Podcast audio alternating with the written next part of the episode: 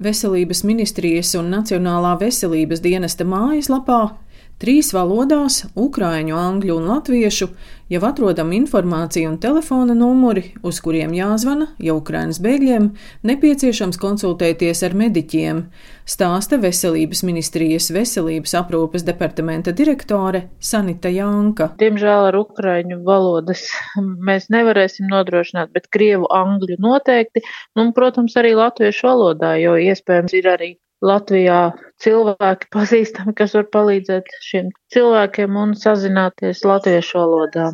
Ja pacientam ir onkoloģiska saslimšana vai kardioloģiska saslimšana, tad, protams, viņi saņems visu to terapiju, kas pie konkrētās saslimšanas ir nepieciešams. Protams, šeit viņš arī saņems medikamentu no tās pašas grupas, varbūt tas nebūs tieši tas pats nosaukums, bet šī te zāļu grupa būs tieši tāda, kā vajag. Tāpat varēs arī vērsties pie speciālistiem pa tiešo zvanot uz lielajām universitātes vai reģionālajām slimnīcām. Tad, ja pacientam ir cukura diabēts, tādām diagnozēm, kurām varbūt ģimenes ārsts uzreiz netiks galā, mēs apmaksāsim arī vakcināciju, tā skaitā pret covidu un arī pret visām infekcijām, kas ir mūsu kalendārā.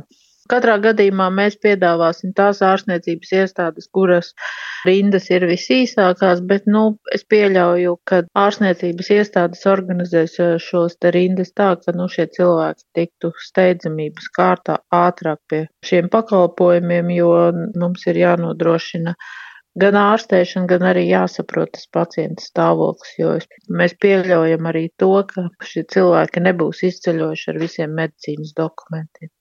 Sanita Janka no Veselības ministrijas stāsta, ka apmeklējot ārstu, vajadzēs uzrādīt pasi.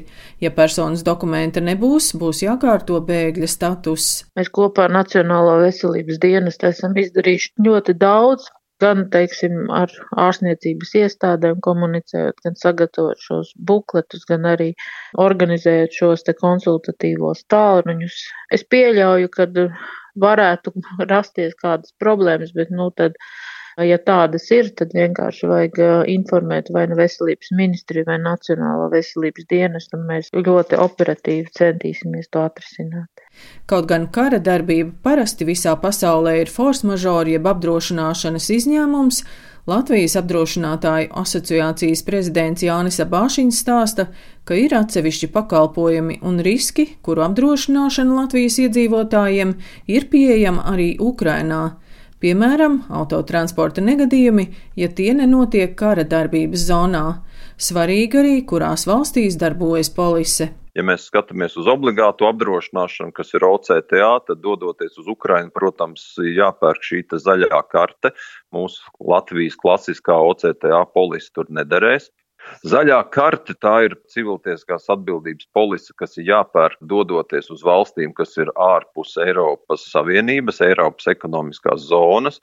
Ja mēs braucam uz Krieviju, dodamies uz Baltkrieviju vai Ukrainu, tad šī parastā OCTA nestrādās, ir jānopērk šī zaļā karte ja kāds šī mirklī atrodas vēl Latvijā reģistrēta transporta līdzekļi Ukrainā un noteikti, tādi ir, nu tad jāņem vērā to, ka Ja jums būs saskriešanās ar tanku, tad skaidrs, ka šī zaļā karte jums e, neko nedos un neko nelīdzēs. Bet, ja jums ir klasisks ceļu satiksmes negadījums ar transporta līdzekli, kurš nav iesaistīts kara darbībā, nu tad visām apdrošināšanām teorētiski vajadzētu strādāt. Cita lieta, protams, ir tā, ka kur to apdrošināšanas gadījumu pieteikt, kam pieteikt un tam līdzīgi.